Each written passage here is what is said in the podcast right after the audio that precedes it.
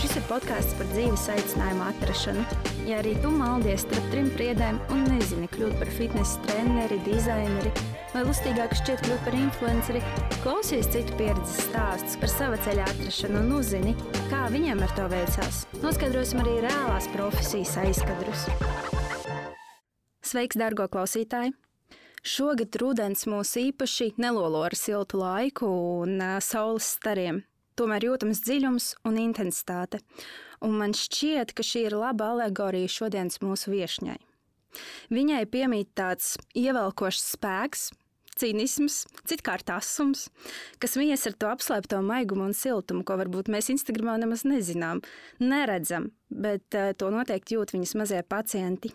Un viņai ir tāds arī prāvs saraksts ar sasniegumiem un tādiem CV līdzīgiem punktiņiem. Nu, tad aiziet, viņa ir ārste, pediatre, Bērnu Kliniskās Universitātes slimnīcas infekcijas kontrolas dienesta vadītāja. Viņa arī ir docente Rīgas Stradiņu universitātē. Gada jaunais ārsts 2020 apbalvojuma saņēmēja, divus gadus pēc kārtas nominēta žurnāla pastaiga Latvijas sieviešu sasnieguma topā. Pati sevi viņa sauc par instadakteri, un viņa arī gozējas kameru priekšā, bijis uz žurnālu vākiem. Viņa nekautrējās un neklusēja par ārstu besi un dusmām un aizvainojumu un visām citām sajūtām Covid-19 vilnī. Atspēkojusi mītus un audzējusi sabiedrības izpratni par vakcinēšanos, aktīvi iesaistās un joprojām izsaka savu pozīciju pret karu Ukrainā. Neklusē par sabiedrībai slēptām, slēgtām un sāpīgām tēmām, Zini, tāds pilsoniski atbildīgs cilvēks no Instagram. Un citkārt, vismaz man skatoties, ir tāda kognitīvā disonance. Kā viss tas iepriekš aprakstītais, izstāstītais mīs kopā ar to ārstu, kurš rāda, kā viņš tver, ko rāda to savu ikdienas dzīvi, lieto alkoholu. Alkohols tagad nelietoju. Tā ir Danijas sāroča. es sevi atklāju tajā brīdī, kad es jūtu, kad, jā, kad Kad vairs tas, jā, tas ne, neatbilst man patiesībā. Bet, jā, sanāca ļoti garš tas sievietes. Sanāca. Bet uh, es nezinu, man liekas, ka visiem ir tik daudz dzīves lomas, vienkārši varbūt paši to nepamanāt. Man ir tāda iekšējā sajūta. Bet tu vispār aptver šis viss, kāda tur ir kā jauda, nu, tas, ko mēs redzam? Mm, man ir grūti, redzi, kā mm, es sevi redzu vienā veidā. Pieņemsim par tādām lietām, kā par to gada ārstu un par to sieviešu topu. Es jau tā nu, biju aizmirsusi, jo tas ir kaut kas tāds eh, ļoti īslaicīgs, eh, kaut kas tāds ļoti pārējošs. Pati es sevi redzu tajās vietās, kuras eju katru dienu. Tas ir ārsta profesija, tas ir pasniedzēja Rīgas Stradiņu universitātē eh, par Ukraiņas karu. Nu, jā, tāpēc, tas tur man ir personīga saistība. Līdz ar to man neliekas, ka es daru kaut ko tādu ekstra kaut ko tādu, ko. Bet mums tā ārpus tiešām, nu, es varu atzīties. Es tev sekoju, starp citu, jā, es par tevi uzzināju Covid laikā, vai jā. ne? Kopš tā laika es tevi vēroju, skatos, un es jau sen zināju, tā, es gribu ar Danu parunāties. Man tiešām interesē šis cilvēks un viņa stāsts. Un uh, tur jau tā lieta, ka, man liekas, mēs bieži vien paši sevi tā, ah, nu, kas te es, es tur tāds Parasts cilvēks. Nē, zinu, kā man nešķiet, ka es varu. Nu, tas arī ir tāds uh, termins, no kā es cenšos izvairīties. Parasts, neparasts cilvēks. Es nevaru teikt, ka es būtu kaut, ar kaut ko dziļi īpašāk kā jebkurš cits Latvijas iedzīvotājs. Varbūt tas, kas mani atšķir, ir tā tas, ka man tiešām patīk arī būt savā ziņā uzmanības centrā, un kad es jūtos komfortabli atrodoties, piemēram, arī kameras priekšā vai tur fotografējoties, jo, eh, kā jau tur minēja par tvarkošanu un arī dejošanu, vairāk, kā jā, es eh, bērnībā sapņoju kļūt par dejotāju, un es uz to aktīvi gāju, un skatu bija tas, kur es jutos vislabāk. Līdz ar to manī vienkārši ir savijušās laikam tās divas lietas. Varbūt tas mikslis nesenāk tāds tipisks, jo no ārsta tu varbūt nesagaidīji tik daudz, ka viņš komunicē, runā liek bildes, varbūt fotografējās uz žurnāla, bet patiesībā tas jau ir stāsts par to, kā ārsti ir tādi paši cilvēki. Un ar ko jau pēc būtības mēs nu, savā, savā, savās lietās neatšķiramies. Tieši tā, mums prātā ir tik daudz visādi iedomu jā. par to, kādi ir citi, kādi esam mēs, ko mums par darīt. Un kādiem mums ir jābūt. O jā, o jā. un starp citu par šo runājot, jā. izšķirstot visus tavus Instagram, Facebook. Visu cieņu. jo tur noteikti bija, bija daudz ko lasīt. Jā, jā tas stāsts nav nemaz tik vienkāršs. Tā kā tu jau pat minēji, tu gribēji kļūt par dejotāju. Mm. Kā tas vispār tā atgadījās, ka tagad uh, tu tomēr attopies ārsta uzņemšanas kabinetā, tajā krēslā un uzņem cilvēkus? Un palīdz viņiem Jā. tikt un būt veseliem un, un neslimot. Es no bērnības nesapņoju kļūt par ārstu. Es arī ļoti spilgti atceros, ka nu, labi, ārstiem algas vienmēr ir bijušas problēmas. Tur nav nekāda noslēpuma. Es ļoti spilgti atceros bērnībā, ka es skatījos kaut kādu sižetu LTV, kāds sūdzījās par algām. Es domāju, nu nē, no ārsta jau nu es noteikti nebūšu. Sveiki, te nu mēs esam. Tā izvēle, kas man bija jāizdara, bija stājoties vidusskolā. Es mainīju skolas, Bet tu esi rīznieks. Esmu rīznieks, mm. Man vispār visu dzīvi labi padevās viss, kas saistīts ar humanitāriem zinātnēm. Valodas man ļoti labi padevās, literatūra man mhm. ļoti patika, latviešu valoda man ļoti labi padevās. Es gāju publiskās runas konkursiem, tur lasīju dzējoļus. Nu, ko tik es nedarīju, respektīvi visi mani skaidri redzēja kā kaut, nu, kaut ko, kas būs saistīts vairāk ar komunikācijām un kaut kādām attiecībām vai multimēdijiem vai kā citādāk. Un es vēl ļoti spilgti atceros, kad žetonu vakarā 12. klasē. Mums tur bija tas priekšnesums, un es biju raidījuma vadītāja. Es tāpat tās arī e, stāstīju un deklamēju kaut kādas lietas. Pēc tā žetona vakara man pienāca klāt un teica, tev ir jābūt televīzijā. Bet tajā brīdī es jau 9. klasē izlēmu, kad es iešu medicīnas novirzienā, 3. gimnājā, kur bija vairāk ķīmija un bioloģija.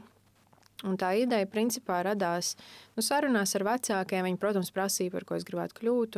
Man nebija tāda skaidra vīzija 9. klasē, kuram bērnam vispār ir vīzija par to, nu, kas tu gribētu būt. Plus, arī pēc 12. Arī pēc 12. Jā, tur kā arī augstskolā nav. arī beidzot augstskolu tev var nebūt uzreiz tā vīzija par to, kā tu redz to savu dzīvi. Un vēl tā doma par tiem desmit plus gadiem medicīnā man tas, protams, biedēja, bet uh, man vecāki kaut kā iedrošināja. Viņi teica, ka tev vispār laba galva, tev viss labi sanāk. Uh, es tur labi tiešām tos dzējoļus skaitīju, tik, arī matemātika padevās, riebās, bet padevās. Un, domāju, nu labi, es izmantošu, varbūt, nu, mēģināšu izmantot to savu potenciālu, to smadzeņu potenciālu, paskatīšos, kā tas ir. Es vienkārši gribēju izmēģināt. Bet vai manī nekad nebija nožēla par to, ka es varbūt nemēģināju to dejošanas nozari? Protams, ka bija. Bet uh, tagad jau pieaugot lielākai un saprotot, kāda ir tā industrija, kāda viņa ir Latvijā, Nu, tur nav īpaši daudz variantu. Tas principā ir tāds dārgs hobijs, pieņemsim, dejošana. Līdz ar to tas bija tāds īsi kopā ar vecākiem. Mēs izsvērām tās visas opcijas, bet es arī iesniedzu dokumentus komunikāciju Tāpēc gan, tas gan nebija Lūdzu, tas bija RSU. Bet, jā, es lasīju, ka multimedijos. Jā, multimedijos iesniedzu, tāpēc, ka man likās, ka vai nu medicīna, vai nu multimedija, kas ir ļoti jocīgi, bet tajā brīdī tās bija tās divas lietas, kas man likās, ka man varētu padoties. Par karsējām. Jo, jā. Tad tas bija tas tā dejošana, ko tu iztēlojies, tā vīzija. Uh, nē, karsējmeitenes filmās. Nē, nē, nē karsējmeitenes bija posms skolā, tas pat bija drīzāk tāds brīvā laika pavadīšanas pulciņš, kur mēs vienkārši ar draudzenēm bija iemesls, bija VF skola superlīga. Viena draudzene, kur tur darbojās geto basketā, viņa teica, Dāna, vajag skolai. Nu, tā, lai viss ir par rīktīgo, vai ne? Vai karsēmēteņu komandu, un es jau tajā brīdī biju vairākus gadus dejojis dzirnās, un es zināju, kā tas strādā, un es domāju, kāpēc gan ne. Sataisījām to karsēmēteņu komandu. Man ļoti patīk. Es nezinu, vai citiem patīk. Jā, mēs skolā. paši izdomājām. Es, tas bija tāds uh, pašu iniciatīvas vadīts, un mēs vācāmies uz treniņiem ar, ar meitenēm, ar kurām es vēl joprojām draudzējos. Bet nē, tā nebija man. Tas, tas nebija tas mans galamērķis tieši attiecībā uz dejošanu. A, ko tu noteikti, gribēji ar nē. to dejošanu? Tas sapnis, katram mm. mums ir tāds sapnis bērnības. Jā, nu man gribējās ļoti uz Ameriku. Pirmkārt jau, ja kāds ir redzējis filmu Step Up, uh, oh, pirmā jā. filma kur viņi mācās tajā mākslas skolā, kur tas ir teju skolu, tu mācies dejot, citus mākslas veidus mācies. Es biju pilnīgi iemīlējusies tajā idejā par to, ka teju skolu un tu katru dienu dejo tur, pieņemsim, tās astoņas stundas, kur tu mācies, visa veida deju stils. Un tā es arī redzēju to savu nākotni, bet man nebija tāds, ka, o, oh, es gribu tur nokļūt kaut kur. Man patiesībā tāds pavisam gala mērķis uh, toreiz nu, nebija. Man vienkārši gribējās katru dienu iet un uh, dejot. Bet kāpēc? Cilvēku ārstēšana.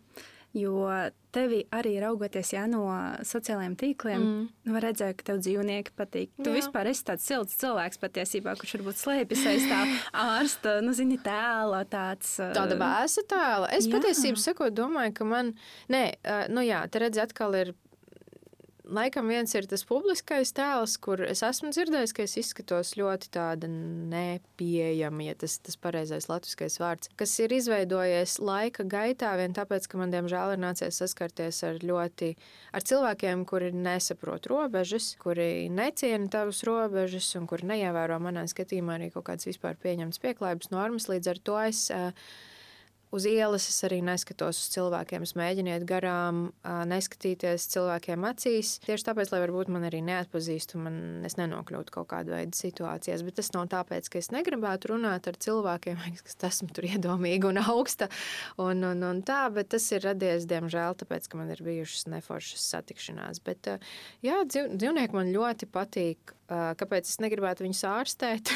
Tāpēc, kad man būtu, nu, veterinārā medicīna tomēr arī vairāk saistās ar ķirurģisku palīdzību, un es sevi neredzu griežam dzīvnieciņus. Tāpēc es arī neizvēlējos medicīnas studijās nekādas ķirurģiskās nozares, jo es tikai pēc laika sapratu, ka tas man īsti ir nedara. Mm -hmm. Bet sākotnēji, kad es arī uzsāku studijas, es domāju, ka es būšu pilnīgi cita profila ārsts. Es nedomāju, ka es būšu bērnu ārsts. Es sāku... Es domāju, ka es būšu ginekologs. Mm -hmm. Es jau no otrā studiju gada sāku voluntēt Rīgas dzemdību namā pie vecmātes, kas man ļoti patika. Un eh, es tā līdz 4. kursam arī domāju, ka tas ir mans ceļš. Un 4. kursā viss apgriezās kājām gaisā, jo tad, es, eh, tad man bija psihiatrijas eh, rotācijas cikls, kur man tad likās, ka psihiatrija ir mana lieta. Un tad es nonācu Bērnu klīniskajā universitātes slimnīcā. Līdz tam brīdim mana attieksme pret bērniem bija nu, tāda, nu, ne skeptiska, bet man liekas, ka ar bērniem ļoti grūti strādāt. Tas ir, nu, tā ir pilnīgi kaut kāda cita veida komunikācija. Un tad es ieraudzīju cilvēku, kam es gribēju līdzināties, un tā bija profesora Zavacka. Mm. Kas viņā bija tāds, kas tevī tā kā, wow, jā? Nu, es par viņu arī biju dzirdējusi, ka viņa ir ļoti stingra, ļoti strikta, ļoti nepiekāpīga. Un tad jau es jau biju apbružējušies medicīnā, un personība arī diezgan pamainījās. Man bija tāds, mm, es gribu zināt, kāda viņa ir, vai tiešām viņa ir tāda, kā par viņu runā. Un mums tikai tas jūs galvenais samācties tam nodarbībām, un viņi daudz ko prasīs. Man tas likās vēl interesantāk. Un tajās nodarbībās Viņa nebija rupja, viņa, nebija, viņa nepazemoja mūs, kas, diemžēl, gadījās arī citās nodarbībās. Ar citiem tā bija, jā? Ar citiem pasniedzējiem gadījās dzirdēt par sevi kaut kā, tieši konkrēti par tevi personīgi kaut kādas uh, frāzes, ja tu tur kaut ko nezināji vai to kaut ko Tu vari padalīties, kas bija tie vārdi?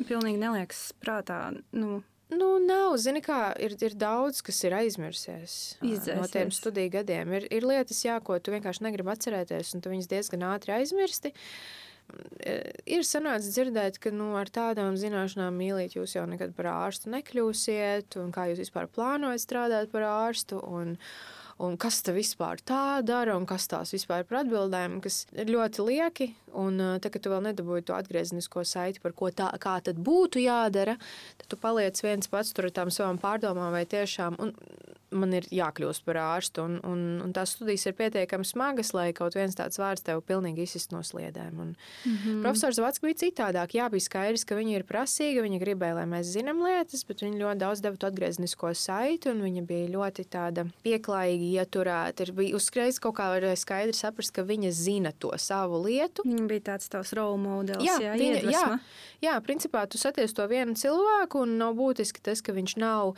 nenodarbojas ar to, ko tu esi iedomājies, ko tu savā dzīvē gribētu. Viņš tev pilnīgi pavēra tās durvis uz to, ka jā, es gribētu būt tāds kā, kā viņa. Es redzu to taciņu, ko viņa ir ieminusi. Un, Un man liekas, ka tā taciņa man arī labi der. Es tur sevi labi redzu. 2020. gadā tu rakstīji, par vakcināciju sāku interesēties tieši pirms pieciem gadiem. Mm -hmm. Vakcinācija kā profesionāls hobijs bija pilnīgi neplānots. Tas arī ir stāsts jā, par jā. profesoru Izavācku, kur jā, jā, tas bija tieši tā, ka tie 4. gadā man arī ap to laiku, es, godīgi sakot, ne, nu, ko 20, nezinu, 2, 3 gadi man bija. 24, un tad, tad parādījās pirmie bērni draudzenēm, un tad viņi sāk jautāt par vakcināciju. Protams, ņemot vērā, ka es studēju medicīnu, tad jautājumi parādās.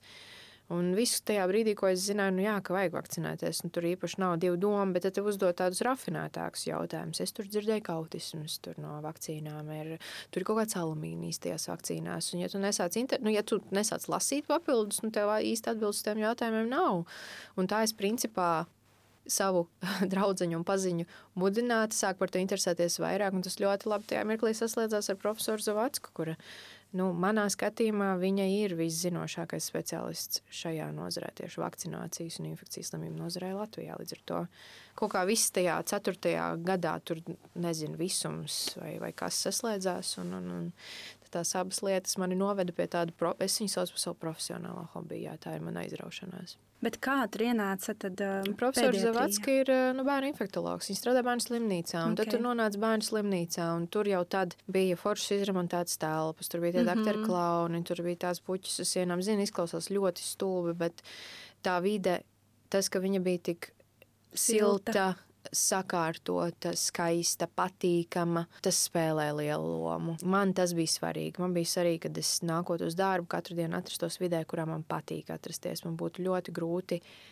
nākt uz darbu, kur tur no sienām drūp kaut kāda krāsas uh, gabali. Tu Instagramā rakstīji. Par izlaidumu sapņoju vēl pirms mācības pirmajā kursā bija sākušās. Ideja par izlaidumu un pelnīto diplomu bieži vien bija gaismas staras dienās, kad es vairs Jā. mentāli to pavilkt nevarēju, bet nācās. Kāpēc nācās? Mm, es jau biju, nu kā. Mm. Jo tik daudz laika ieguldīts, vai kaut kāds cits stāsts? Nē, es sevi pamainījās arī tā vīzija par to, kā es sevi redzu kā ārstu. Jo sākotnēji tu sevi iztēlojies kā ārstu, kurš strādā nodaļā. Tas, tas, ko tu redzi televīzijas šovos, seriālos, un kā tu vispār, nu, vienkārši tas ir ārsta tāds stereotips. Katru dienu nāk uz darbu, dežūrē, un nāk no darba ārā, tur entās stundas, entās dienas. Kaut kad vēlāk, kaut kādā 4. un 5. kursā, paldies Dievam, man pamainījās tā vīzija par to, kā es sevi redzu. Es sapratu, ka es ar pacientiem gribu veidot nu, nevis tikai tādas eh, sāpju mugura, iedeva ibumetīnu, paldies uz redzēšanos, bet tomēr arī kaut kādas tādas dziļākas attiecības, kuras painteresējos par to, kā viņiem iet. Varbūt tām muguras sāpēm vispār nav saistības ar kaut kādiem muskuļu vai, vai kaulu bojājumiem. Un kāpēc nācās? Tāpēc, ka mm, es sevi redzēju tur. Es sevi redzēju baltā halātā, es sevi redzēju tajā kabinetā, es sevi redzēju varbūt kaut kādos citos uh, veidos strādājumu kā doktorim, bet tas vispār nebija viegli. Nu, Un, uh, diemžēl medicīnā tu saproti, ka ir, tā, ir tās nedēļas, kad tu domā, ah, nu, šī nedēļa pārdzīvošu, nākamā būs vieglāka. Studijās vispār tā nebija. Tu zināji, ka, ja tu izdzīvo šo drausmīgo nedēļu, nākamā nedēļa būs tikpat drausmīga, un tu vienkārši cer uz to, ka viņa nebūs, ka nebūs kaut kas vēl drausmīgāks tam pa virsmu. Tas emocionālais un arī fiziskais stress, kas arī bija, jo tu ļoti daudz sēdi, ļoti daudz faktiski nekusties. To studiju laikā, jā, tu tur pārvietojies, bet tev nav spēka tur kaut kādām sporta nodarbībām. Tu mentāli vispār nevari atslēgties no tām mācībām, jo tu visu laiku domā par to, cik man kontroldarbi ir rītdien, vai man ir parādi, kādi tur būs nākamie tie cikli, cik tur būs stingrs pasniedzējs. Un tu visu laiku esi tādā vāveres ritenī, un tas tevi tur tajās mācībās, bet tāpat laikā tas tevi dragā, nu vienkārši plēš visu kopā nu, tā, tas ļoti, tā, ļoti neveselīgi daudzums stresa tur ir. Tāpēc jā, nācās. Tas, tas nebija, oh, es katru dienu gāju uz universitāti un es jūtu, jā, šī ir mana vieta. Mm -hmm. Tā kā mhm. viss pilnīgi tur saplūst ar sienām. Nē, es gribēju ātrāk no turienes ārā. Es domāju, es sev biju sadalījusi sešus gadus divu gadu, nu, tā kā pirmie divi gadi, nākamie divi gadi, nākamie divi gadi. Un tad tie divi gadi man bija sadalīti vēl sīkākās daļās. Jā, un tad tu sadalīji, un tad mēs ar kolēģiem arī atnācām, un mēs tā, ah, oh, mēs esam tur nodzīvojuši tur vēl trīs mēnešus no, pieņemsim, pirmā pusgada. Un tu vienkārši tā kā svini mazās uzvaras. Tev tur, nu... Kas tev slēpās aiz tās vīzijas, ka tu redzēji to ārstu, ka, kas tur iekšā bija? Ka gribas kādam palīdzēt, gribas glābt dzīvības, gribas ka, kas tur ir? Sākot, nu, tas arī stereotipiski ja, palīdzēt. Jā, jā, jā, jā. sākotnēji noteikti bija tas glābt dzīvības. Es pieļauju, ka arī kaut kādā mērā tur bija tā ārsta statusa, ja, mm -hmm. tas uh, vilinājums, ka šķietami visus ārstus ļoti ciena. Uh, un tā profesija ļoti prestiža. Tev šķiet, ka, ja es būšu ārsts, tad visi kaut kā mani tur īpašāk cienīs. Tas bija sākumā. Noteikti bija kaut kāda tā ego. Tas ego bija tāds milzīgs, gribējās viņu tur pabarot ar to, ka es varu to izdarīt. Mm -hmm. Noteikti tas tur bija iekšā. Es, es, es melotu, ja es teiktu, ka nevienā brīdī manī nebija tas, ka es vienkārši gribu nu, bišķiņ to statusu. Ja es esmu uzsākusi, tad man ir jāpabeidz, un tad es būšu ārsts, un tad viss būs mierīgāk. Pirmkārt, medicīnā mierīgāk nepaliek. Pēc tam sešiem sāksim to. Jā, partija upur moments, bet vieglāk absolūti nepaliek. Rezidentūrā ir vēl jautrāk, jo tad pēkšņi tev ir zināšanas, plus vēl atbildība par tiem taviem lēmumiem, un tu nejūties mentāli gatavs. Kurā mirklī tavs ego tas nomira? Mans ego viņš sāka sprāgt nost izlaidumā, sestā kursa izlaidumā. Mm. Diezgan ilgi, es teiktu, tā bija. E, jā, nu, zini, kā, nu, tu joprojām tas ir īstenībā labi, ka bija tas ego drives tajā momentā, tos sešus gadus. Jo, ja viņš kaut kur apstātos, es pieļauju, ka es nepabeigtu tās studijas. Mm. Man tā milzīgā tas ego, viņš neļāva man uh, padoties. Man bija iekšā tas, ka es, ne, nu, es nedrīkstu. Man ir, man ir šis jānobeidz. Sestajā kursā izlaidumā tā bija viena no nelaimīgākajām dienām manā dzīvē, jo es sapratu, ka ar to nekas nebeidzās, ka man būs uh, vēl rezidentūra, kur principā viss būs no sākuma. Tu tur būs pilnīga nulle, tev būs viss jāmācās, tev būs milzīga atbildība un uh, nu, viss būs citādāk. Es divas nedēļas no vietas par no mājas negārā pēc izlaiduma. Es biju ļoti raudulīga, es atceros, iespējams, ka man bija kaut kāda viegla depresija tajā momentā. Uh, Un tad pagāja tā vasara, sākās rezidentūra, un rezidentūrā tas ego kļuva krietni mazāks, krietni. Un tikai tad, kad jau es certificējos, tad es kaut kā, tagad es to savu profesiju un vispār to, kādas esmu, redzu krietni citādāk. Un arī ārsta profesiju es redzu krietni citādāk nekā. Kā tu tagad to profesiju redzi? Tātad uh, sākumā es saprotu, ir tas, ko jābeig cienoša profesija. Nu, tāda, jā, kur, kur cil, citi cilvēki tev cienīs. Tas jā. ir tāds status. Tas, nu, tas ir, ir zinām, arī vara. Jā, jā, un tas ir tas, kas tā varas sajūta, kas, kas ir ļoti iznīcinoša. Ja tu kā mediķis tiecies pēc varas profesionālajā darbībā un kaut kādas varas izjūtas, nu, es nezinu, cik kā, pacientam draudzīgi tas ir. Tagad tas jautājums nav par varu. Tas jautājums ir par to, kā es veidoju attiecības ar pacientiem, kā es komunicēju. Tā ir sadarbība tīrākā sadarbība. Tur nav varas momenta vispār. Kopumā cilvēkiem viņi arī ārstus noteikti izvēlas eh, pēc tā kritērija, vai viņš man patīk kā cilvēks, kā, kā viņš komunicē, vai viņš mani respektē, vai man nav sajūtas, kā ārsts uz mani skatās, it kā es būtu kaut kas, kas tur kaut ko nesaprot. Tas ir tas, kā es šobrīd saprotu savu profesiju, ka mans uzdevums ir būt kā savā ziņā arī kočam un atbalstam tam cilvēkam, kurš ir nācis pie manis pēc uh, palīdzības. Man liekas, 2020. gadā mēs kādreiz bijām veikuši aptauju par to. Tauta, kuras profesijas ciena, un ārsti bija top 75%. Mm -hmm. ja? mm -hmm. Tā kā atzina to. manā pasaulē, ja? manā mm -hmm. iekšējā pasaulē, ārsts un skolotāji. Tie mm -hmm. ir mhm. vispār kaut kādi dievu dievi. Nu, tur... man, man liekas, ka slikts ir ārsts, tas, kurš sev uzskata par dievu. Mēs vispār netuvu nesam dievi. Vispār netuvu nesam dievi. Tas ir Es esmu stāvējusi blakus nāvei, es esmu redzējusi momentus pirms cilvēks aiziet. Un, ja kāds, un es esmu bijis blakām, kad notiek tā cīņa, kur tu kā cilvēks parastais cīnies ar kaut ko tādu, kas nav, nu, nav mums visiem pa spēkam. Un, un, tas ja bija kāds, studiju laikā? Nē, tas jau bija rezidentūras laikā, kur es biju smagu pacientu nodaļā. Tā bija jaundzimuša intensīvā mm. terapija. Un, oh, wow. uh, jā, un, un, un, un ja tu uzskati sevi par dievu, dievu, uh, man, man skudriņas vienkārši iztēlojas to, ko tu redzēji. Es ne, tieši tas tajā brīdī. Saku, jūs, jums tos, jūsos tāds spēks, ka jūs varat paciest tās, tās lietas, bet par to mēs arī parunāsim, jā, jā. kā vispār noārdījās, ja tā personība, tās jā. emocijas. Labi, mums ir, kaut, mums ir zināšanas un mums ir tas, tas, tā datu bāze, teiksim, tā galvā kaut kādas iemaņas, bet uh, tu, tu beigās, kad tu nonāc tajā medicīnā, tu saproti, ka jā, tev ir zināšanas, bet kā tu reaģēsi šādā situācijā, tu nekad to nevari paredzēt. Pieņemsim arī tev, es domāju, ka, ja tu nonāktu kaut kādā situācijā, kas būtu tāda, kā tu saki tagad, vai ne, ka tur tie skudriņas skrien, tu nekad nezini, kā tu rīkotos. Varbūt tu pēkšņi rīkotos kaut kā tā, ko tu vispār no sevis negaidītu, kur tu ļoti nu, augstasinīgi, kā tas ir vajadzīgs, nekrītot panikā, izdarītu pareizās lietas, un tad tu vienkārši sēdētu un tev tāds. Tā kā, kā es šo tikko paveicu. Un kādreiz arī medicīnā tev ir vienkārši lietas, ko tu dari automātiski. Tu izēji cauri tai stresa situācijai, jo kaut kā laikam tās studijas arī tev iemāca bišķiņu to augstasinību, tā kā uzreiz nekrist panikā par visu, bet vērtēt, kas vispār notiek. Un tagad tā situācija beidzas, tas, ko kolēģi arī saka, tikai tāda, vai nu tu raudi, vai nu tu tev sākas, nu tev sākas, vai ne? Pēkšņi tu tā kā saproti, kas ir tikko noticis, ka parasti tikai pēc tam, pēc tās stresa situācijas, jo fizioloģiski tev ķermenis kaut kādā situācijā, viņš ir šo adrenalīnu, un tu rīkojies kādreiz, ka tu pat nesaproti, kā tas viss ir noticis. Tu atceries tādu situāciju, kur tu pati sevi pārsteidzi šādi uh, stāsti?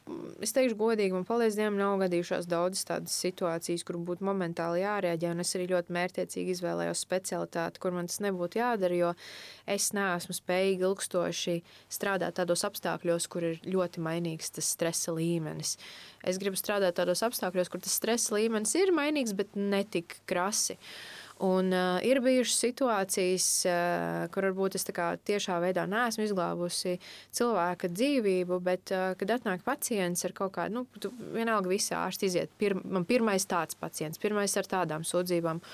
Un tad tu kā klausies, un tev kā uzreiz momentā ir skaidrs, un tu saki jau kaut kādas rekomendācijas, ko mēs darīsim tālāk. Norāds, kā es to vispār, kā es to vispār atceros? Ir jau pagājuši entie gadi, kopš to vispār mācījos, atkārtoju. Man nav bijis vispār nereiz tāds pacients.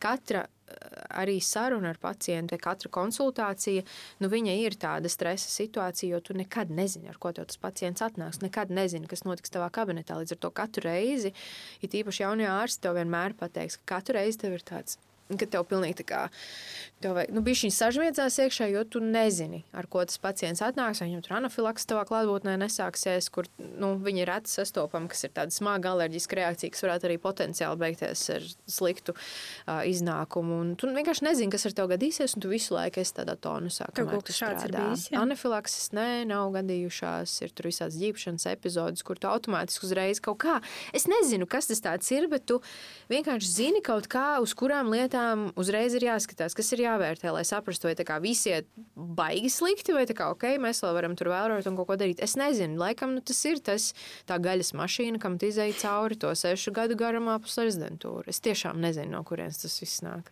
Nu, skaidrs, ka tās ir zināšanas. Tas melotu, ja es teiktu, ka tās nav zināšanas. Bet, un pieredze gan jau arī. Nu, tev tās pieredzes arī ir. Pat tie, zini, kā tie desmit gadi, eh, ko es pavadīju mācoties medicīnas studijas un rezidentūra, tev saņemot certifikātu, tev ir bijis tāds sajūta, es gribētu vēl bišķiņ pamācīties. Man liekas, ka tā kā vēl kaut ko nezinu, tā kā Dievs, un tā ir, tu ne, tevi iemāca patiesībā ļoti daudz bāzes pamatlietas, tā visa mācīšanās notiek pēc tam darbā ar pacientiem, tu saproti, kas kā strādā, ka katrs pacients ir individuāls tiešām. Ļoti reti ir tādi, kuri pilnīgi ir identiski pacienti, nu ir, protams, identiski, bet vairumā tomēr kaut kas tur kādam ir tu pa savam, tu katru uzraugi citādāk. Nu, nav, ir tā kā vadlīnijas, bet uh, ir uh, jāvarie un, un, un, un, un ir tomēr tā medicīna māksla tādā ziņā. Uh, to es arī nevaru noliegt. Jā. Tev arī bija tāds stāsts par uh, to ārsta tēlu. Jā, tas, mm -hmm. ko es mhm. sākumā pieteicu, ka nu, mm -hmm. kā ārsts var tverkot vai ne. Mm -hmm. Un es tā sapratu, ka tev arī bija iekšējais tāds, nu, ka jāatbilst tam šatrastoku bildītei, tam profesionālismam. Jā, jā.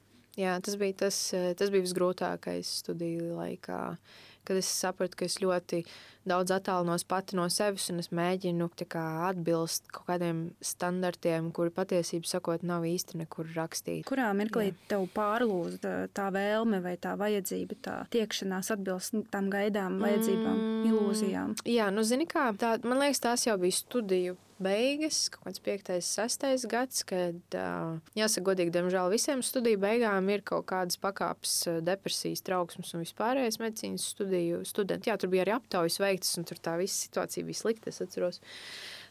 Mūsu kursā tas ir ļoti sagaidāms, jo nu, ko tu gribi no cilvēka, kurš salīdzinoši maz guļ, ir tādi, kur strādā, tu visu laiku kaut ko dari, ēd neregulāri, ūdens tiek uzņemts nu, nepieklājīgi maz. Diemžēl, uh, lai sevi kaut kā aizmirstos, tiek lietots arī alkohols, protams, brīvdienās un lielos daudzumos. Un arī tā bija viena brīdī mana problēma studiju laikā, kur tiešām vienkārši, lai tev, tev liekas, oh, vismaz man tagad ir kaut kāda dzīve, un tas viss, ko tu darīji ārā ar draugiem, un, un, un, un vienkārši dzertu alkoholu jēgā, bezjēgā. Un uh, ir skaidrs, ka nerūpējoties par sevi, tavas smadzenes nonāk tādā stadijā, kur viņi saka, hei, tā kā ir pēdējais laiks par sevi parūpēties. Līdz ar to mēs tagad ieslēgsim tādus simptomus, kur tu būsi nomākts, negribēs neko darīt, gribēs gulēt un, un, un tā tālāk un tā joprojām. Tāpēc, uh, tad, kad bija tie 5, 6 kurs, es tikai sapratu, es, vien, es atceros un domāju, Dani, kā, kas, kā, kas tu vispār esi? Nu, kā, kas tev, nu, ja nav, ja nebūtu medicīnas studija, kas tu būtu? Tā kā, ko tu vari cilvēkiem pastāstīt, ja neskaidro to, ka tu satiecies, tev visi vai nu rāda kaut kādas izmeklējumus savējos, nu, kas ir standarts arī, ko tu sākumā arī ļoti centies tur palīdzēt. Tur draugi, ko, jā. draugi, jā, kaut ko tur, hei, man tur pumpas tur, hei, man tur tādas analīzes var palīdzēt. Tas ir normāli, tāds vienkārši, nu, tas tā ir, tas ir jāpieņem. Bet es domāju, ok, labi. Un kas es esmu bez medicīnas studijām, kas es esmu Dana? Nu, ja, man, ja es nezinātu, kā paskaidrot šīs analīzes, tad es sēdēju un sapratu, ka manī absolūti nekā cita nav, kā tikai medicīnas studijas. Un tā ir ļoti sāpīga atziņa, pie, pie kā, kā nonākt. Tā ir vajadzīga atziņa, kā es to tagad saprotu, bet uh, tajā brīdī es sapratu, ka es negribu būt tikai sava profesija. Es negribu būt tāda, kādu man uzspiež būt sabiedrība ar kaut kādiem izdomātiem standartiem, kādiem man ir jābūt. Man liekas, ka svarīgākais patiesībā ārsta profesijā ir ievērot ētiskos aspektus attiecībā par saviem kolēģiem, pret saviem pacientiem, nestāstīt apkārt, kāds tev pacients ir nācis ar kādām sūdzībām. Bet es neuzskatu, ka ārsts nedrīkstētu iet balēties uz vecrīgu.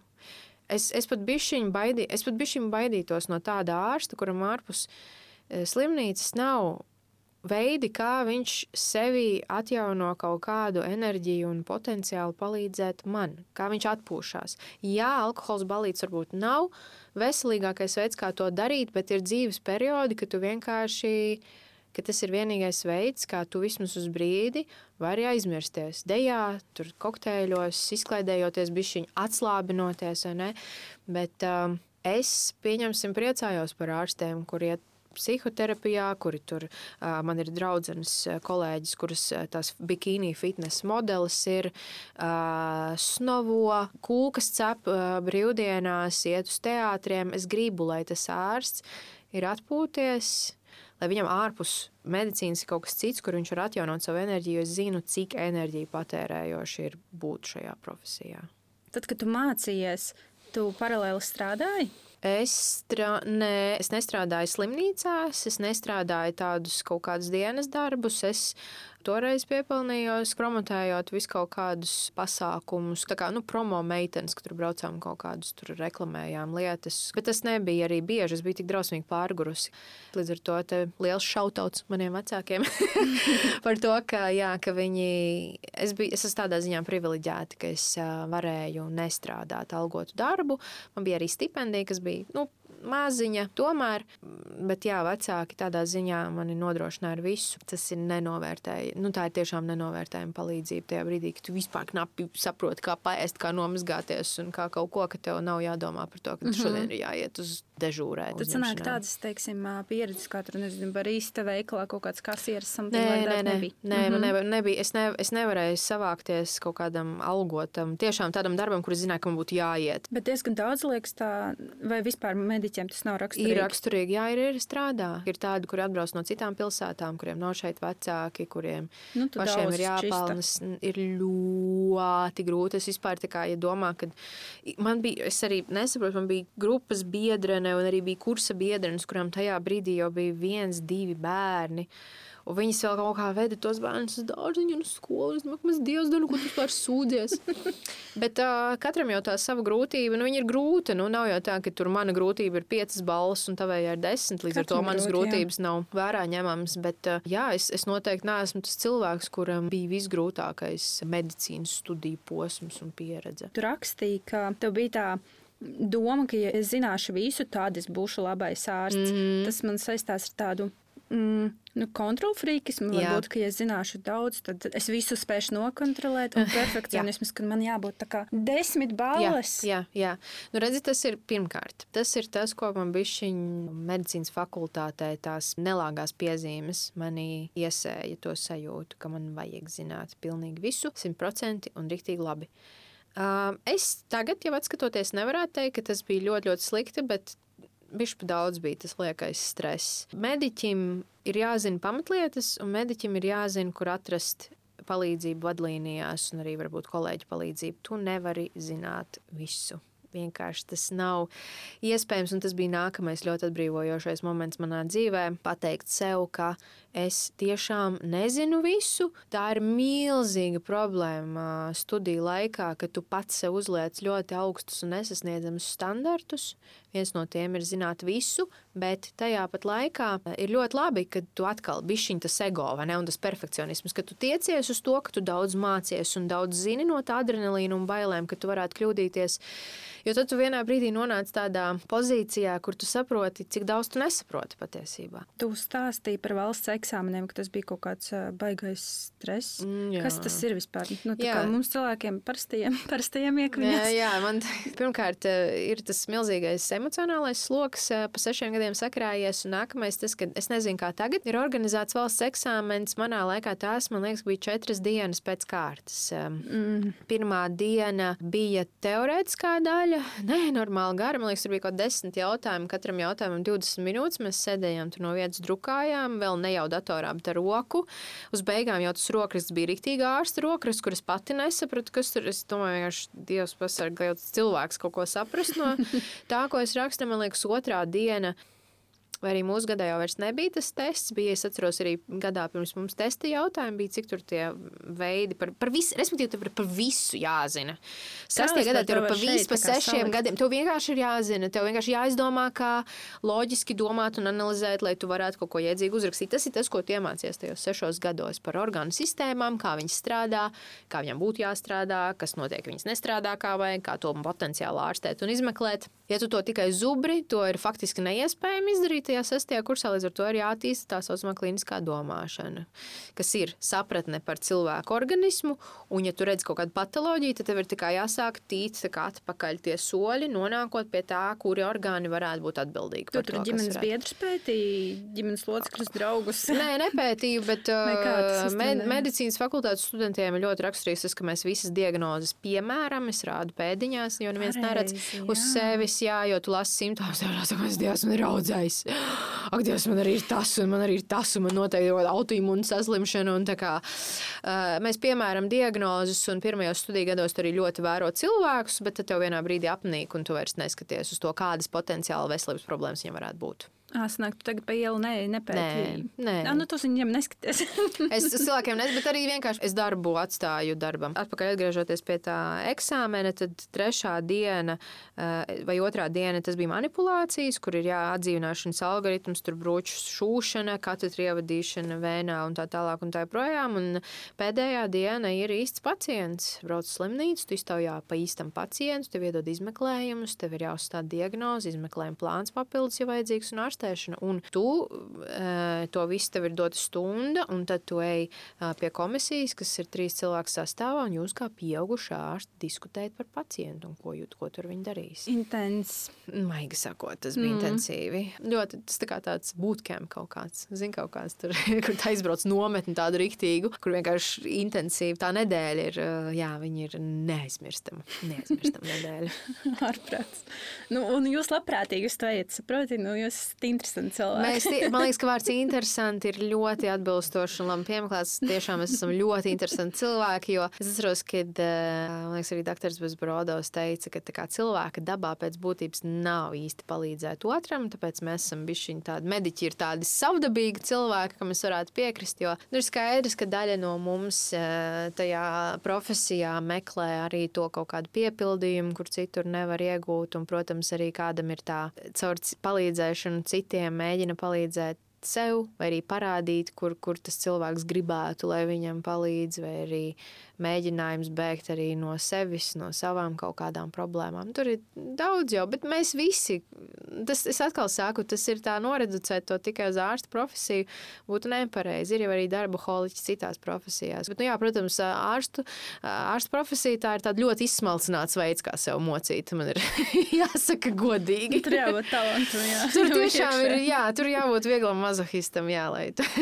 to viss darīt. Jā. Zini, ir tāds uh, stereotips, ka par ārstiem iet cilvēki, kuriem tā kā vecāki piespied, nu, kaut kāds vecāku tāds grūdienis, Jā. ko ir par Jā. ārstu, tur labi pelnīs, būs nodrošināts traļavaļi. Mm -hmm. Šitas viss stāsts. Un tu rakstīji, ka tev tētis teica, ja tev pat degunu tecētu benzīns, tad man tas nekad nebūtu jāpērk savai mašīnai.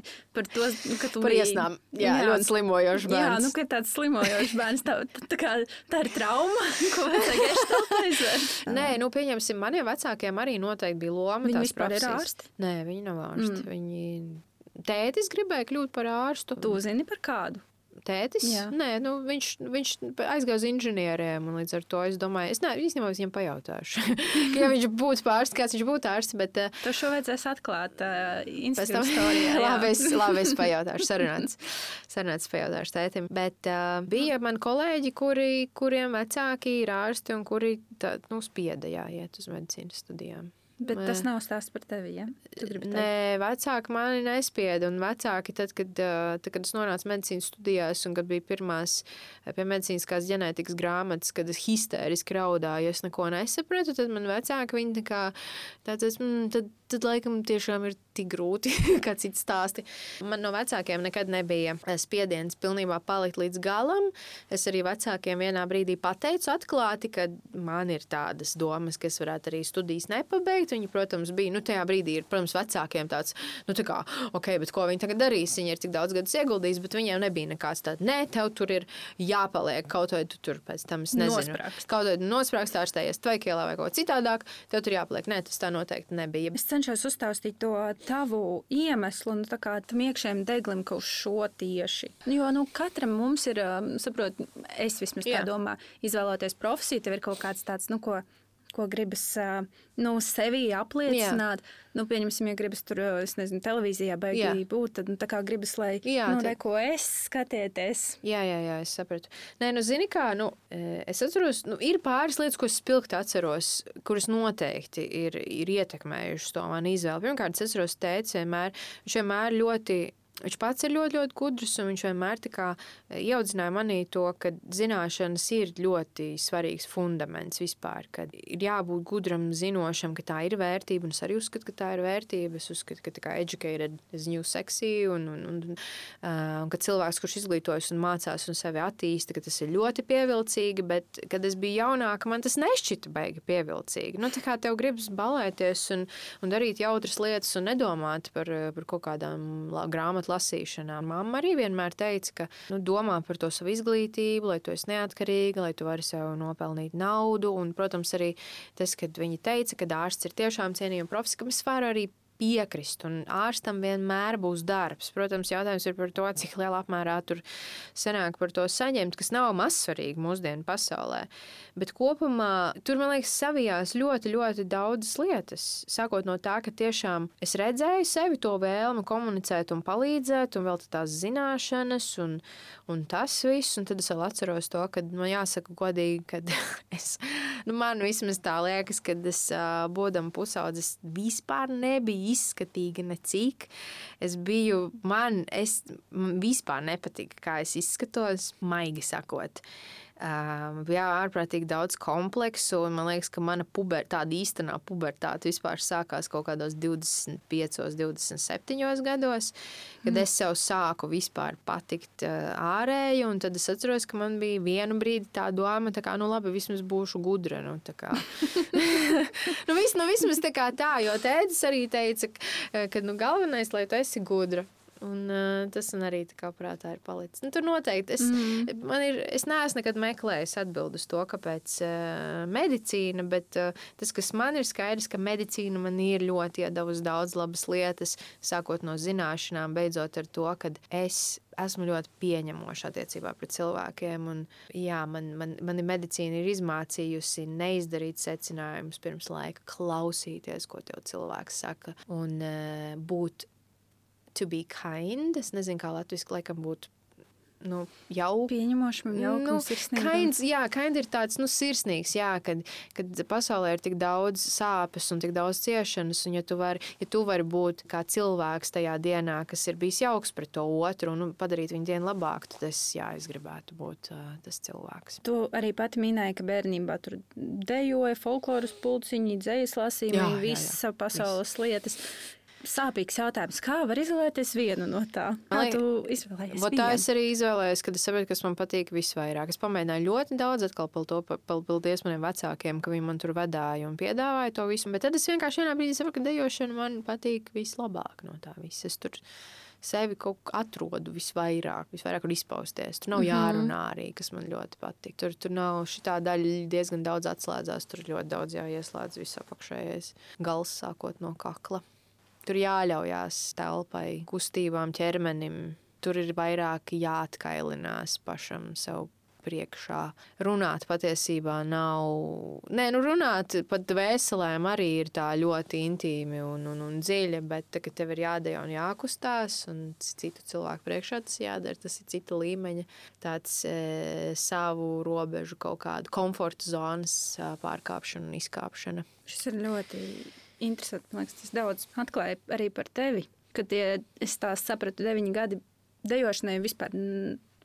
Jā, nebija. Jā. Tā kā medicīnas studijas sākās, un es fakt, nu, biju tur kaut kāds brīdis, kad es padejoju vienā deju studijā, bet es, ne, es nevarēju pieslēgties ne prātā, ne ķermenī. Man visu, visu laiku kaut kas traucēja. Man tā kā patika atslēgties, un es tur gāju, bet tad es vienā brīdī sapratu, ka nē. Vai, vai nu es tam pievēršos, vai nu es nepievēršos, un tad es sev apsolīju, ka es mēģināšu atsākt, tad, kad es certificēšos. Tad bija periods, kad es kad es biju tāda sagurusi pēc certificēšanās, un tad vienā, jā, tad, tad viss kaut kā saslēdzās no vienas meistarklases, kur tā kā es atpakaļ šobrīd esmu deju zālē.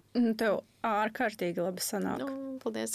man pašai tā nešķiet. Es vairākas reizes skatos tās stāstījis, jo ir tik sulīgi. Uh, man pašai, man pašai atkal ļoti redzu daudz, nu kā, nu, kad tu deviņas gadus neesi dejojis, kad tu atceries, kā tavam ķermenim būtu jāizskatās, kā viņam būtu jākustās, jo pirms es aizgāju medicīnas studijās, es biju labākajā savā dejotājas formā un spējās. Un tad, kad tu tagad skaties um, spogulī, nu, tas ir atkal ego lūziens. Ka, pats atkal. Nu, tā kā viss tas, ko es tur biju savākus pa tiem gadiem, tas viss ir kaut kur, ir kur manos kaulos, bet tas ir jāvelk ārā. Un, un es saprotu, ka es vienkārši gribu izbaudīt to procesu un neuzlikt sev nekādus termiņus. Un tas vairs nav tā kā man jāiegūst šī profesija, jā, lai es pelnītu naudu. Nē, es to daru tikai vienīgi sevis dēļ. Un tikai tā sajūta, zē, ka šoreiz, ah, oh, es tā kā atkal bišķiņ pārkāpu sev pāri. Bet skaties, tās visas lietas, jā, ko tu sākumā minēji, ka par bērnību tur patika dejot, mm -hmm. anatomija, ko, komunikācijas studijas, mm -hmm. multimedija. Mm -hmm. Tagad, pēc tiem, nezinu cik, mm -hmm. vairākiem gadiem, liekas, tas tā kā viss sakārtojas. Ne? Nu, tev, jā, tu jā. esi atpazīstama personība Latvijā. Nu, saki, ko gribi, bet ļoti daudz zina, ka šī ir čolka. Man ir brūns, sarkans lūpas. Par čolku es varu piekrist. Es nekad nebūtu iedomājies, ka čolka būs mans tas rakstura, tas signature, tas look. Jo visi saka, ka tu vari nogriezt šī tik īsas matus, jātaudzēt viņas, ja tev tā čolka, tas ir tas, pēc kā tā cilvēka atpazīst. Okay. Tas ir identitātes Labi, stāvs, jā, jā, tas tāds... ir tik ļoti jocīgi. Nē, bet par to atpazīstamību arī es atkal nejūtu tik ļoti to. Es īsti ne, nē, nāk cilvēki, protams, sasveicinās, kas ir ļoti patīkami uz ielas un tā, bet uh, ņemot vērā, ka es uh, šobrīd atkal esmu tādā vairāk kokonā iekšā, kur es mēģinu atrast to savu līdzsvaru, kur es baigi necenšos arī tur kādām. Man arī baigi neaicinu tur uz intervijām vai kaut kādiem tur uh, publiskiem pasākumiem. Līdz ar to man nešķiet, ka es tur baigi apgrozos kaut kādos sabiedrības krējuma. Bet, zini, kā, idē. man ir sajūta, ka tieši tie briesmīgākie notikumi, kas ir Covid un karš. Mm -hmm. Tie bija tavi tādi, nu, lai kā viņus negribētu saukt, bet tie līdzekļi, kas palīdzēja uzkāpt zenītā. Jā, jā. Die, diemžēl, jā. Es, uh, tu, kad to darīji, apzinājies, ka šim būs sekas? Nē, arī... nē, uh, nē, nē. Kad bija Covid, tad man vienkārši, nu, redz, kā mans profesionālais hobijs, tur bija infekcijas slimību, vakcīnas, pandēmija. Mēs mm -hmm. arī mhm. studiju laikā mācījāmies par pandēmijām un, un visām citām lietām. Tas vienā brīdī likās, ka man tas vienkārši ir jādara, tāpēc, ka es aptuveni zinu, kā komunicēt, kaut kādas iemaņas man ir. Zināšanas man arī ir, un es domāju, nu, iztruns ar visu, tad mēģināšu, nu, vismaz no savas puses. Man vienkārši likās, ka tas būtu godīgi. Ne tikai pret cilvēkiem, kuru vārdus un sejas es nezinu, bet man jau ir arī draugi, ģimene un, un citi, kuri interesējās, un primāri es jau tā kā par viņiem vairāk domāju, tas nāca, kad arī tā kā pārējie pievienojās. Ukrainas stāsts, jā, tas bija vairāk. Es zinu, oh, tas, tas ir nākamais temats. Jā.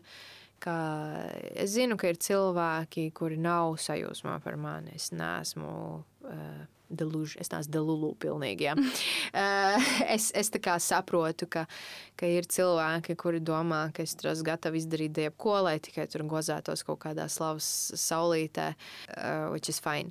Un Ukrainas stāsts arī es esmu dzirdējis, ka cilvēki domā, ka es tur izmantoju kaut kādu savu ģimenes traģēdiju, lai turpinātu uzturēties tajā kaut kādā atpazīstamības saulītē. Tajā brīdī, kad es kaut ko rakstīju, tas bija man vienkārši vajadzēja kaut, kaut kur to pateikt kas tur notiek. Man, kā, man bija, es atceros, man, mans dzīvoklis bija par mazu. Man liekas, ka visas sienas spiež, un tad ir visas kaut kādas manas domas un emocijas. Un es nezināju, kur to visu likt. Un tā kā sarunas ar draugiem es runāju, bet man liekas, ka nekas nepalīdz. Man atkal likās, ka vienkārši tas ir jāieraksta. Man vienkārši ir, jā, man vienkārši jā, jādara zināms plašākai publikai, kas notiek. Jo es zinu, ka personīgi nu, stāsts strādā labāk, un man tajā brīdī likās ļoti svarīgi no savas puses pieredzes darīt zinām, kas notiek ar manu ģimeni kopumā un kā tas viss izskatās. Bet, eh, ja man prasa, tad eh, es labāk nepiedzīvoju šādas eh, lietas savā dzīvē.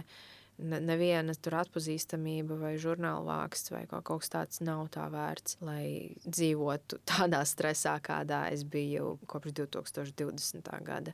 Tas zaudētais matu apjoms nav žurnāla vāka vērts, goda vērts, vai arī nav to, cik tur to tūkstošu sekotāju vērts. Mm, vispār necik. Bet nu, tā sanāca, mm. jā. Nu, tur bija tur tā kā laime, nelaimē. Jā. Laime, nelaimē. Toreiz arī kaut kādu laiku pirms tam tu sāki blogu taisīt, tā sapratu. Nu, bija, jā, tāds, kad... Mēģinājums pēc tam nesanāca, pamēģināja vēlreiz. Uh, nē, zini kā bija? Bija tā, ka es rakstīju, man patika, bet tad es sapratu, ka tie, tā garā rakstīšana aizņem baigi daudz laika, kur man nebija. Bet tev tik labi sanāk rakstīt, Dana. Goda vārds. Oh, paldies. Tiešām ļoti forši. Es, nu, es nezinu, kā tas tiešām tā sanāk. Bet ļoti interesanti. Yeah. Tur tāds, eh, nu, tāds varbūt asmiņš, skarbiņš, tas cinisms izlēma ārā. Bet, es, ob, es viņu obligāti lieku iekšā.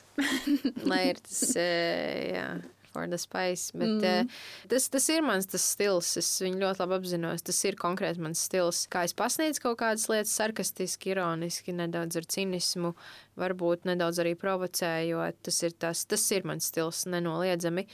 Uh, es esmu pazaudējusi to šobrīd, jo es biju pārgājusi uz Instagram un uz uh, Twitter, kur ir mm -hmm. īsāks tas teksta apjoms, un tur, daudz, nu, tur arī jāpiedomā, bet tas neprasa tik daudz kā garie tie ieraksti.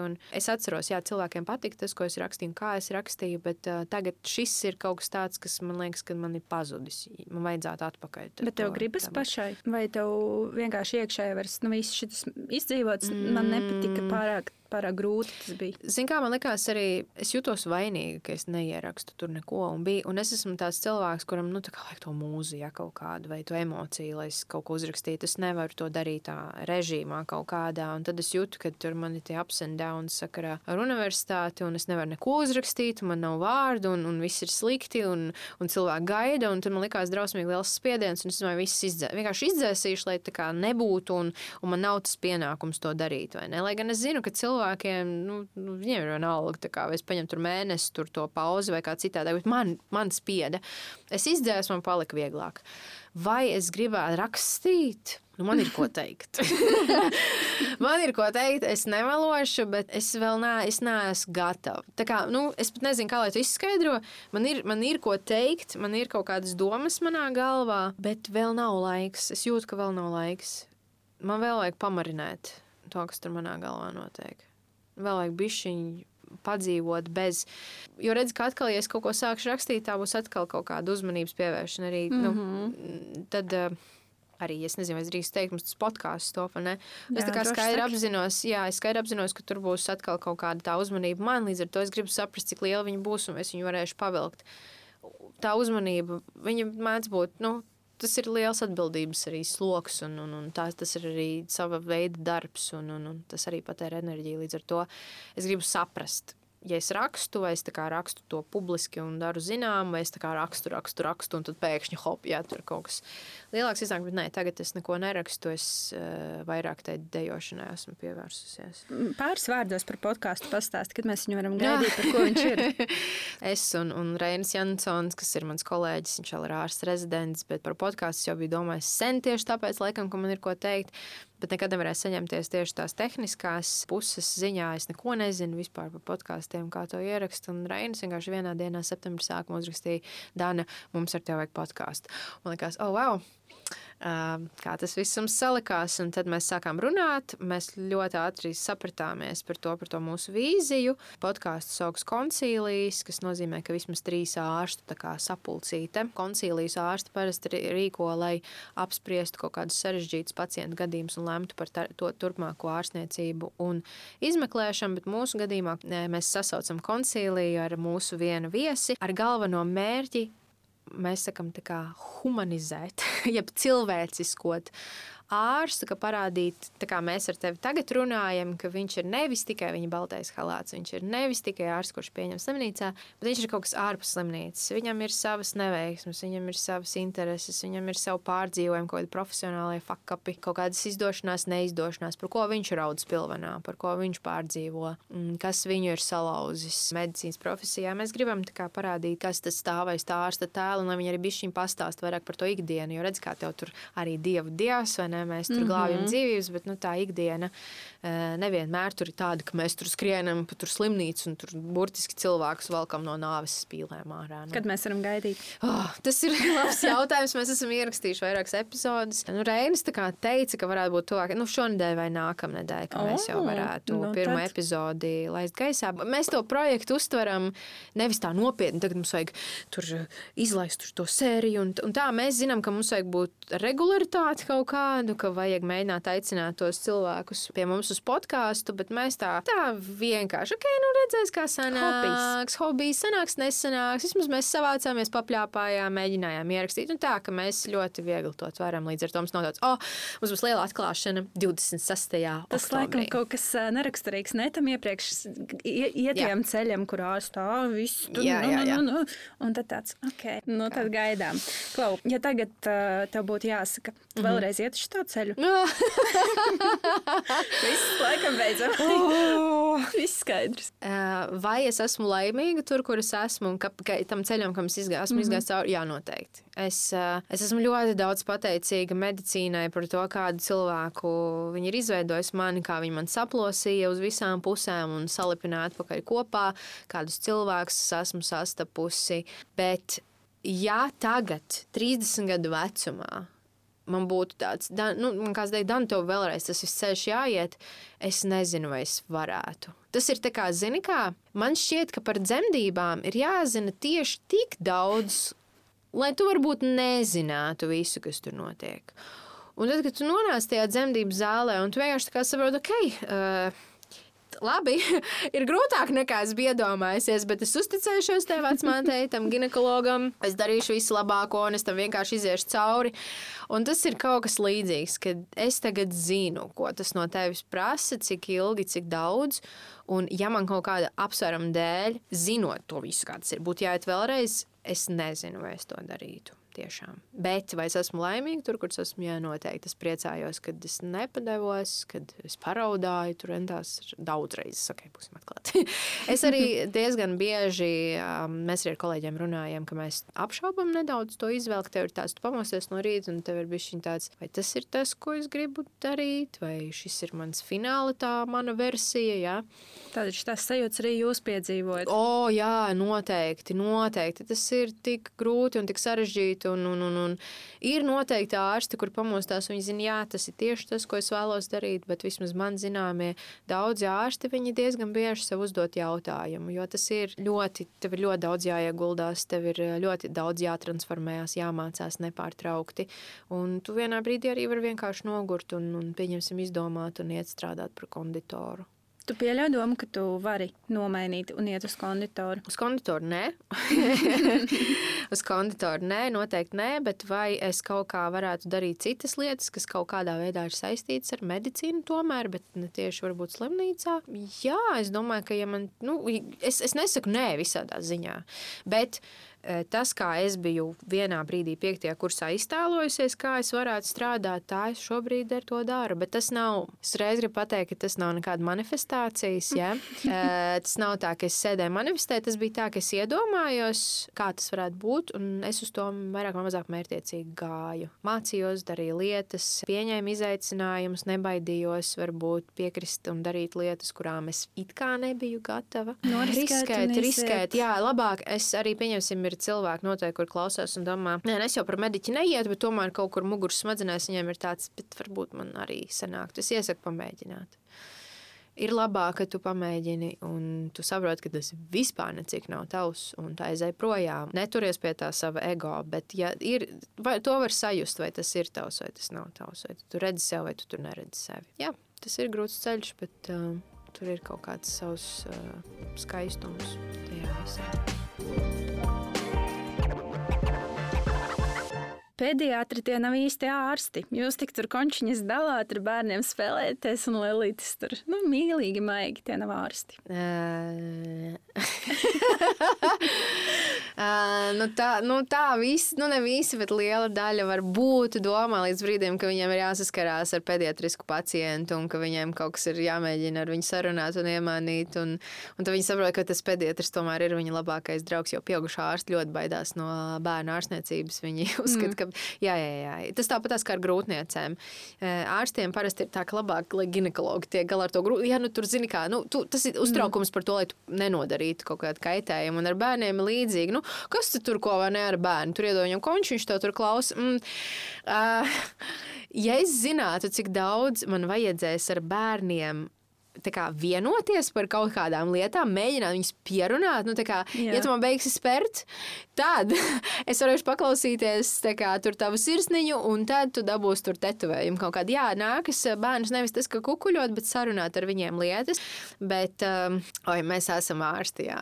Es negribētu teikt, ka mēs tur esam kaut kāda ļoti īpaša profesija, bet pat padomā, mēs ārstējam bērniņus no nultās dienas, kad viņš ir guļošs un viņš tur nekustās, kāds mm -hmm. viņš ir attīstībā līdz pat 18 gadiem.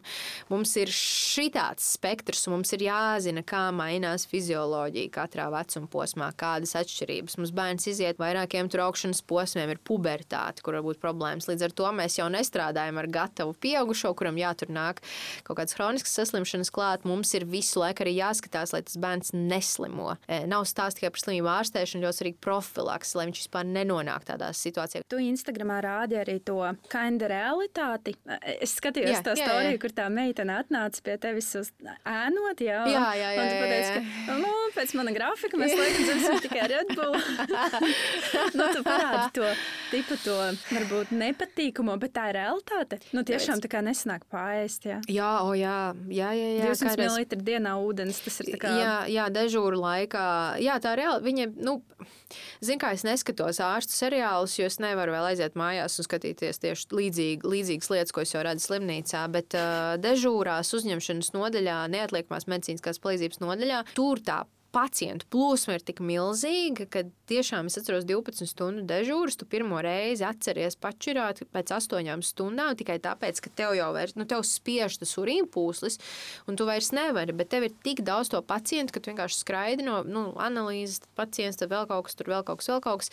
Tu pāēdi arī kādreiz pirmo reizi tikai pēc 8 stundām, un tev jau pat tad vairs īsti negribas ēst, un tad tu pa vidam turēt tos saldumus, tāpēc, ka tev vajag kaut kāda enerģija, un tur tās kafijas iet vaļā. Tā tas ir. Un, Nu, tas nav nekas veselīgs un tas nav nekas patīkams. Tu jūties pārguris pēc tām visām dežūrām. Ja Red Bull arī ir dienas, ka viņi iet uh, uz urā, un tad, pieņemsim, man atkal, uh, manā tajā pozīcijā, kas ir infekcija kontrolas dienas vadītājs, es tur nestrādāju ar pacientiem, es vairāk strādāju ar tādu slimnīcas menedžēšanu, lai viņa būtu droša gan mūsu darbiniekiem, gan, gan uh, pacientiem no infekciju viedokļa, lai viņas neizplatās. Tad tur vairāk sanāk tiešām tā, ka tu sēdi un drukā kaut kāds līdz saraksties, menedžē, mēģina sarunāt tur kaut vai ar mūsu komunikācija daļa, kā mēs tur izglītosim mūsu darbinieks par tādām, tādām lietām. Nu, pilnīgi citādāks tas grafiks un vispār tas veids, kā es strādāju. Un tas, ka tur cilvēkiem varbūt liekas, ka mēs tur katru dienu tiešām tur pilnīgi raujam no nāves, tur uz ķetnām ārā pacientus. Nu, jā, ir tādi iedoma.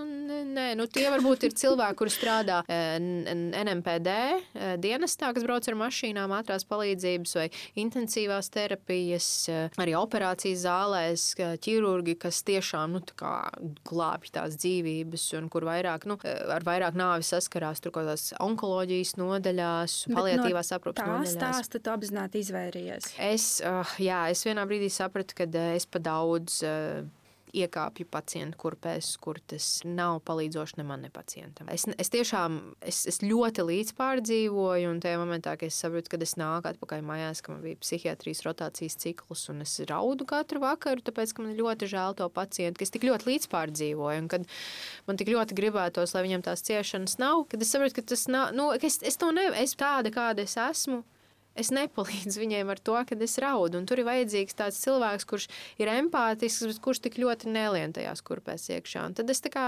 sapratu, padalīties ar to, kas ir tas stāsts. Kāpēc es raudāju? Nu, jā. Nu, bija, eh, nu, ja mēs runājam par bērnu hematonkoloģiju, tad bērnu onkoloģiskās saslimšanas. Un, uh, Tas viens stāsts bija, kur uh, tas, tas, tur bija skaidrs zināms, ka tas bērns aizies diezgan drīz, tāpēc, ka viņam atkārtot izauga tas audzējs galvā. Un kaut kā mēs ienākam tajā palātā, ir tā apgaida ar tiem ārstiem. Man liekas, viņam kaut kāda 11, 11 gadi, kaut 12. Un mm. kaut kā viņš tā, kaut ko mēs runājam, runājam, un viņš tā saka, jā, es tā kā tur kaut ko gatavoju, kad izaugšu, es kļūšu pavārs. Oh, es to tās raudāšu. un es, mm. I lost it, tā kā pilnībā. Es izgāju ārā no tās palātas, un es, es zināju, ka tas tā būs. Un uh, es sapratu, ka es nevaru palīdzēt pacientam, ja es esmu šitāda.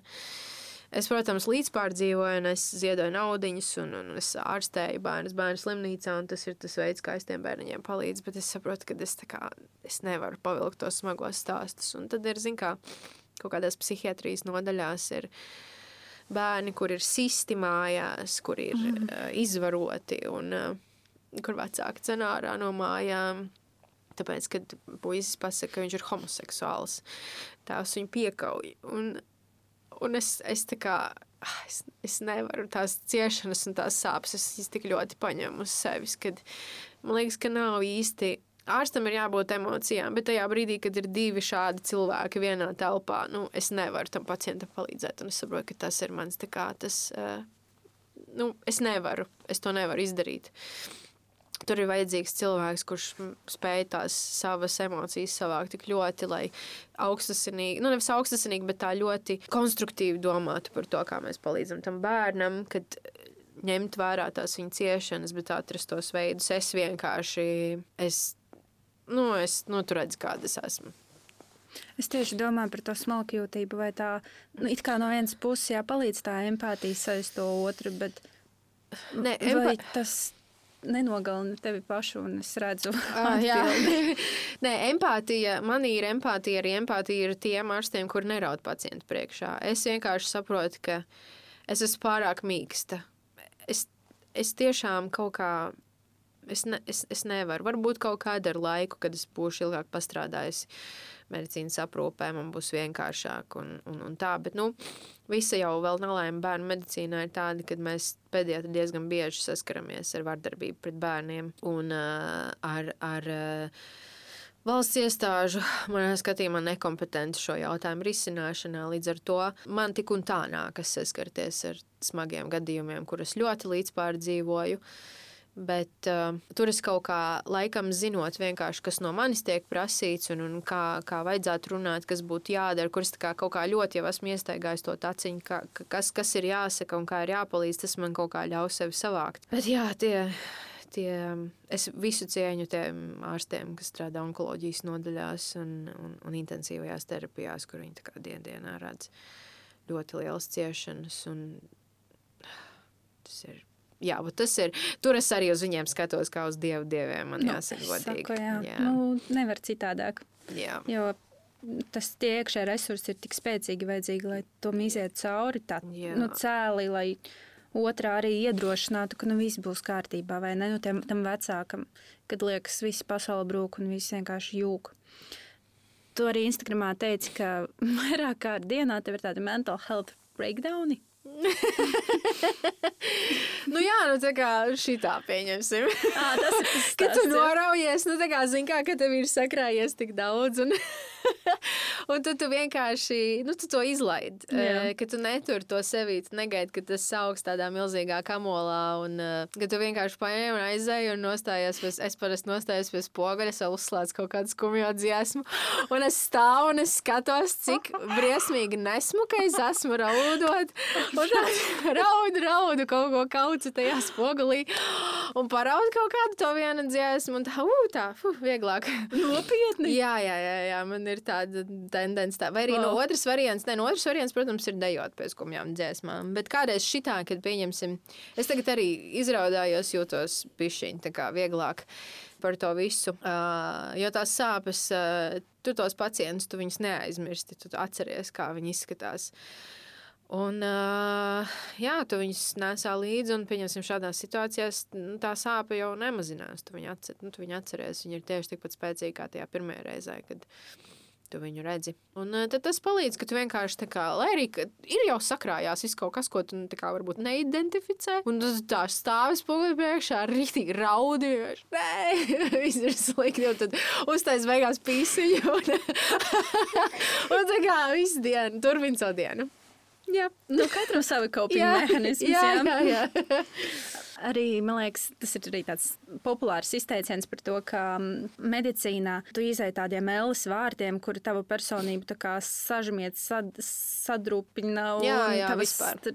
Kas bija tas, kas no tevis nomira? man liekas, ka viss uh, man nācās stāties pretī pilnīgi visām savām nedrošībām, pilnīgi visiem kompleksiem, vairāk attiecībā tieši uz kaut kādu intelektuālo, mentālo un vispār par sevi kā personību. Uh, ļoti pamainījās um, arī uzskati par to, kāda es gribu būt, kāda es sevi redzu. Uh, studiju sākumā ļoti interesēja, ko cilvēki par mani domās. Tas ir nevis tikai tuvie, bet visi. Ja, tu tā kā ļoti uz visu sabiedrību, ko par mani domās, tad tu beigās tas tevī ļoti ātri nomirst. Tīpaši, ja tu kļūsti nu, par vairāk publisku personu, kas runā, tu saproti, ka ir tikai noteikta cilvēku grupa, kuru kā, viedoklī tiešām ieklausīsies, un tu zinās, ka viņi būs tie, kas tev pateiks, ka Dančs tam nofeiloja, vai kā, par šo neuztraucies, tur viss ir kārtībā. Un man nācās ļoti daudz iemācīties arī pacietības.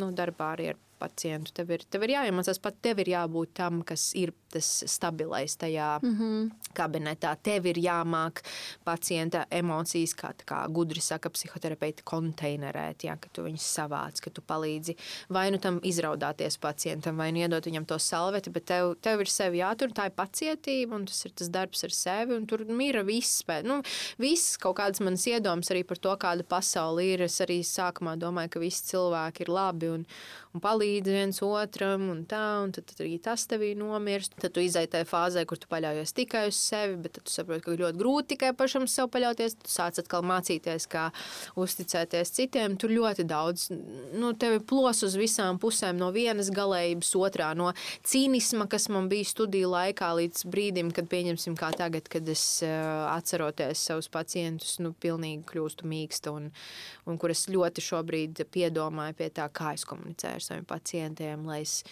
nekļūst par vēl vienu kaut kādu ciešanu iemeslu viņu dzīvēm. Zini, man ir tāds arī stāsts. Man opītis uh, nomira stradiņos, līdz ar to es tur vairākus gadus pavadīju.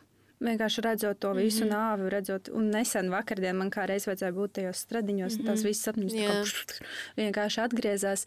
Un, uh, tur bija tāds stāsts, ka arī bija nu, praktikants, rezidents. Es nezinu, kā mm -hmm. viņi pareizi nu, jā, nosaukt šo cilvēku, bet uh, nu, Viņam tā kā deva iespēju, ja tur eh, operācijā vai kaut ko izdarīt. Mm. Un es, nu, pēc tam mēs noskaidrojām, ka galu galā kā, nu, tur tika pieļauta kļūda. Mm.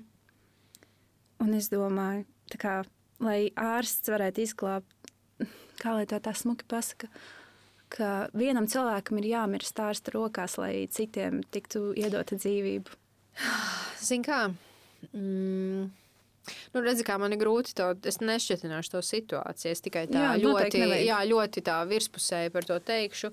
Atkal ārsti nav dievu dievi un reizes, kad uh, tu vienkārši nevari paredzēt kaut kādas lietas. Zinot pat anatomiju 1001% pieņemsim. Tev var gadīties tāds viens pacients, kuram ir individuāla anatomija, kur tu ir, ir bijuši dzirdēti gadījumi, kur, pieņemsim, tur ginekologs operējot sievietei dzemdi, viņam, viņai tā asinsvads galvenais iet ne tur, kur tipiski, un viņš griežot tajā tipiskajā vietā, pārgriež to asinsvadu, un tā sieviete vienkārši viņā atspriekšā nosiņo. Un, mm, runājot par tām ārstu kļūdām, mm, tas ir sarežģīts temats, un uh, viņas gadās nenoliedzami. Bet es vēlreiz saku, tie ir tie pacienti, jā, kur, uz kuru rēķina, diemžēl, tu iemācies daudzas lietas. Un tu nekad tu neaizmirsti tos pacientus. Man tā nav gadījies, bet es esmu runājis, tie pacienti tev paliek kā visu dzīvi. Viņi tev vienmēr ir blakām, tu vienmēr atceries, tu kā, ir vakari, kad tu domā par to, ka uh, tas ir no tavas rokas uh, aizgājis pacients. Uh, viņi tev nekad nepamata. Un eh, tā ir varbūt arī tāda savā ziņā, tur arī mijās tās sāpes ar to pietāti un cieņu pret to pacientu, arī tā kā mēģ, lūdzot piedošanu arī savā ziņā. Lai gan tie radinieki, gan uh, pacients piedod, ka tas ārsts nezinu, neaprēķināja tur to risku vai uh, tā, nu, kaut, kaut kas nesanāca tā, kā vajadzēja. Un Tāpēc tā dzīvība nav vienmēr ir līdzās. Jā, it īpaši tajās profesijās, kur, jā, kur es apzināti izvēlējos nedoties. Ne jau tāpēc, ka es baidos no nāves vai no kļūdām, bet tur redzēju. tur redzēju, jā, es, es nevaru savākties, un tāds ārsts nevar pieņemt eh, kvalitatīvus lēmumus, ja tu tā kā pilnīgi te uzsit to tsunami ar emocijām. Man ir sajūta, ka es ar tevi varētu stundām ilgi runāt.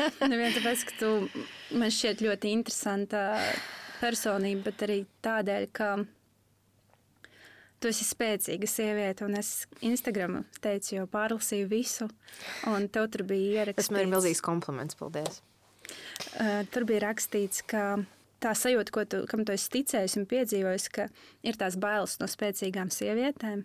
Daudziem ir bailes, jā. Un man liekas, ka tā ir mums kopīga lieta - baidīties no spēcīgiem, stipriem cilvēkiem. Mm. Un, uh, iespējams, varbūt tādēļ, ka būt spēcīgam nav viegli. Tas burtiski nozīmē uz tādas novilktas stīgas iet un esot tam vājam cilvēkam patiesībā iekšā to spēku sevi audzēt. Mm. Tāpēc es tev saku lielu, lielu paldies, Dana, par šo sarunu. Es tiešām ar tevi runātu vairākas stundas, Apusēji, labprāt, un tāpēc apusēji. gaidīšu jūsu podkāstu ļoti, lai zinātu to, kas notiek aiz tām durvīm, mm. -hmm. novelkot to halātu un, un arī uzvelkot halātu, Jā. kas ir tās jūsu pieredzes. Mm, Mēs centīsimies. Bet, bet apusē šī bija, šī bija ļoti laba saruna. Paldies tev! Paldies tev, klausītāji! Mēs ar jums tiekamies jau novembra izskaņā, nevis izskaņa, bet novembrim sākoties. Seko līdzi podkāstu starp trim priedēm Instagram kontam. Tiekamies mēs ceturtdienā, mūsu ierastajā randiņu dienā. Un mani noslēguma vārdi ir audzēt to spēku sevī par spīti savam iekšējam vājumam, bailēm un trausmam. Atā! Čau!